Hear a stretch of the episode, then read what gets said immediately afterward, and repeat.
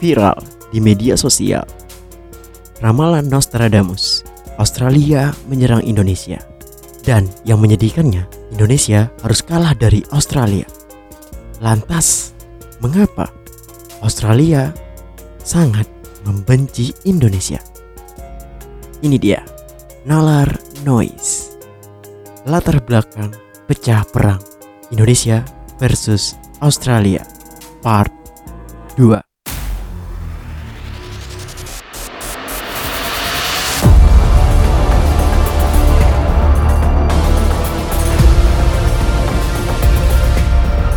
Sebelum kita memulainya, alangkah baiknya kalian mendengar part pertama di episode sebelum ini.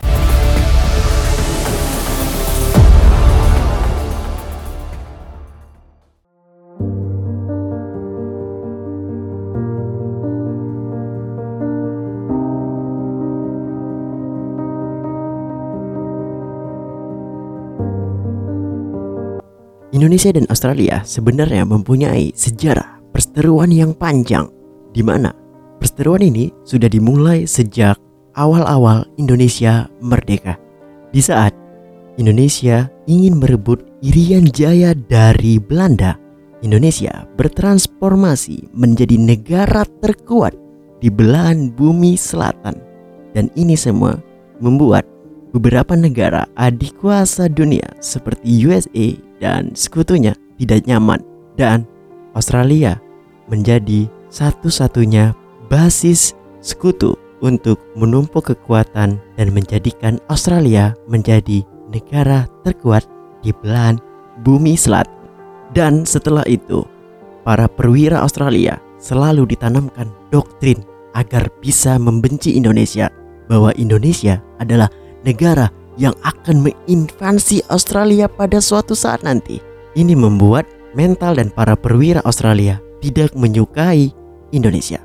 Ya, kita tahu di dalam dunia militer, sebuah doktrin dan juga mentalitas untuk bersaing terhadap beberapa negara membuat negara itu menjadi kuat. Seperti Israel di tengah kepungan Arab. Para tentara-tentara Israel digembleng untuk mempersiapkan diri agar bisa bertahan dari serangan Arab. Begitu juga dengan beberapa negara-negara lainnya.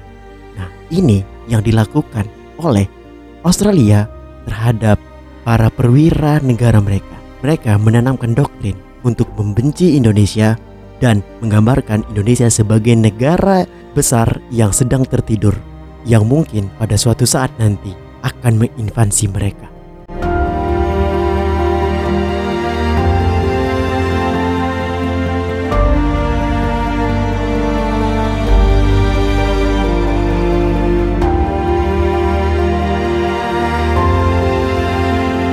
Adanya pangkalan militer Amerika Serikat di Australia, lebih tepatnya di Darwin.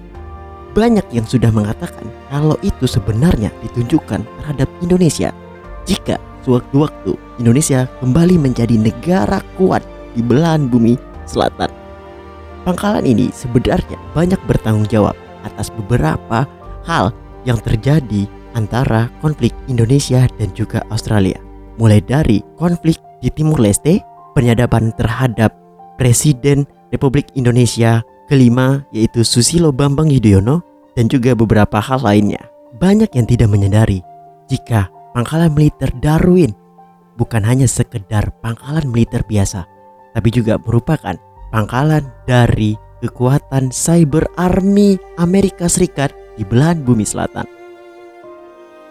Ya, ini tidak hanya sampai di situ. Kita juga tahu, belakangan ini ada sebuah aliansi pertahanan baru yang didirikan oleh Australia yang bernama AUKUS. Australia, UK, dan juga USA. Aliansi ini juga akan melakukan kerjasama yaitu memproduksi kapal selam bertenaga nuklir di mana ini ditentang oleh banyak negara termasuk Indonesia. Ya, walau AUKUS berdiri untuk mengatasi kekhawatiran blok barat terhadap tumbuhnya militer Cina di Pasifik, namun tidak menutup kemungkinan AUKUS juga dipersiapkan untuk melawan kebangkitan Indonesia.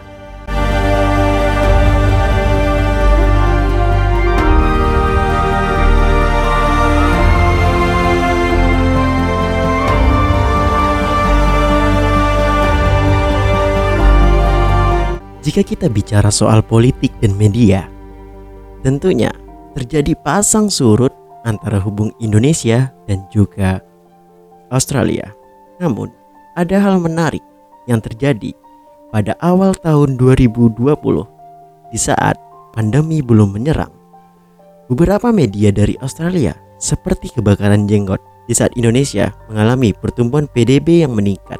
Beberapa media dari Australia sepertinya khawatir dan juga membanding-bandingkan negaranya, di mana perekonomian negara mereka sangat lesu dan sepi. Mereka juga mewanti-wanti akan kebangkitan dari Indonesia. Di dalam sejarahnya, Jakarta pernah mengalami pengancaman dari Australia akan dirudal oleh Australia dan Jakarta pun sudah menyiapkan artileri anti rudal untuk mengatasi ancaman dari Australia. Kita masih bersyukur serangan itu tidak pernah terjadi. Lantas, setelah banyaknya polemik yang dilalui oleh hubungan Indonesia dan Australia tidak pernah berujung perang. Kenapa? Pada tahun 2037 Australia melakukan serangan terhadap Indonesia.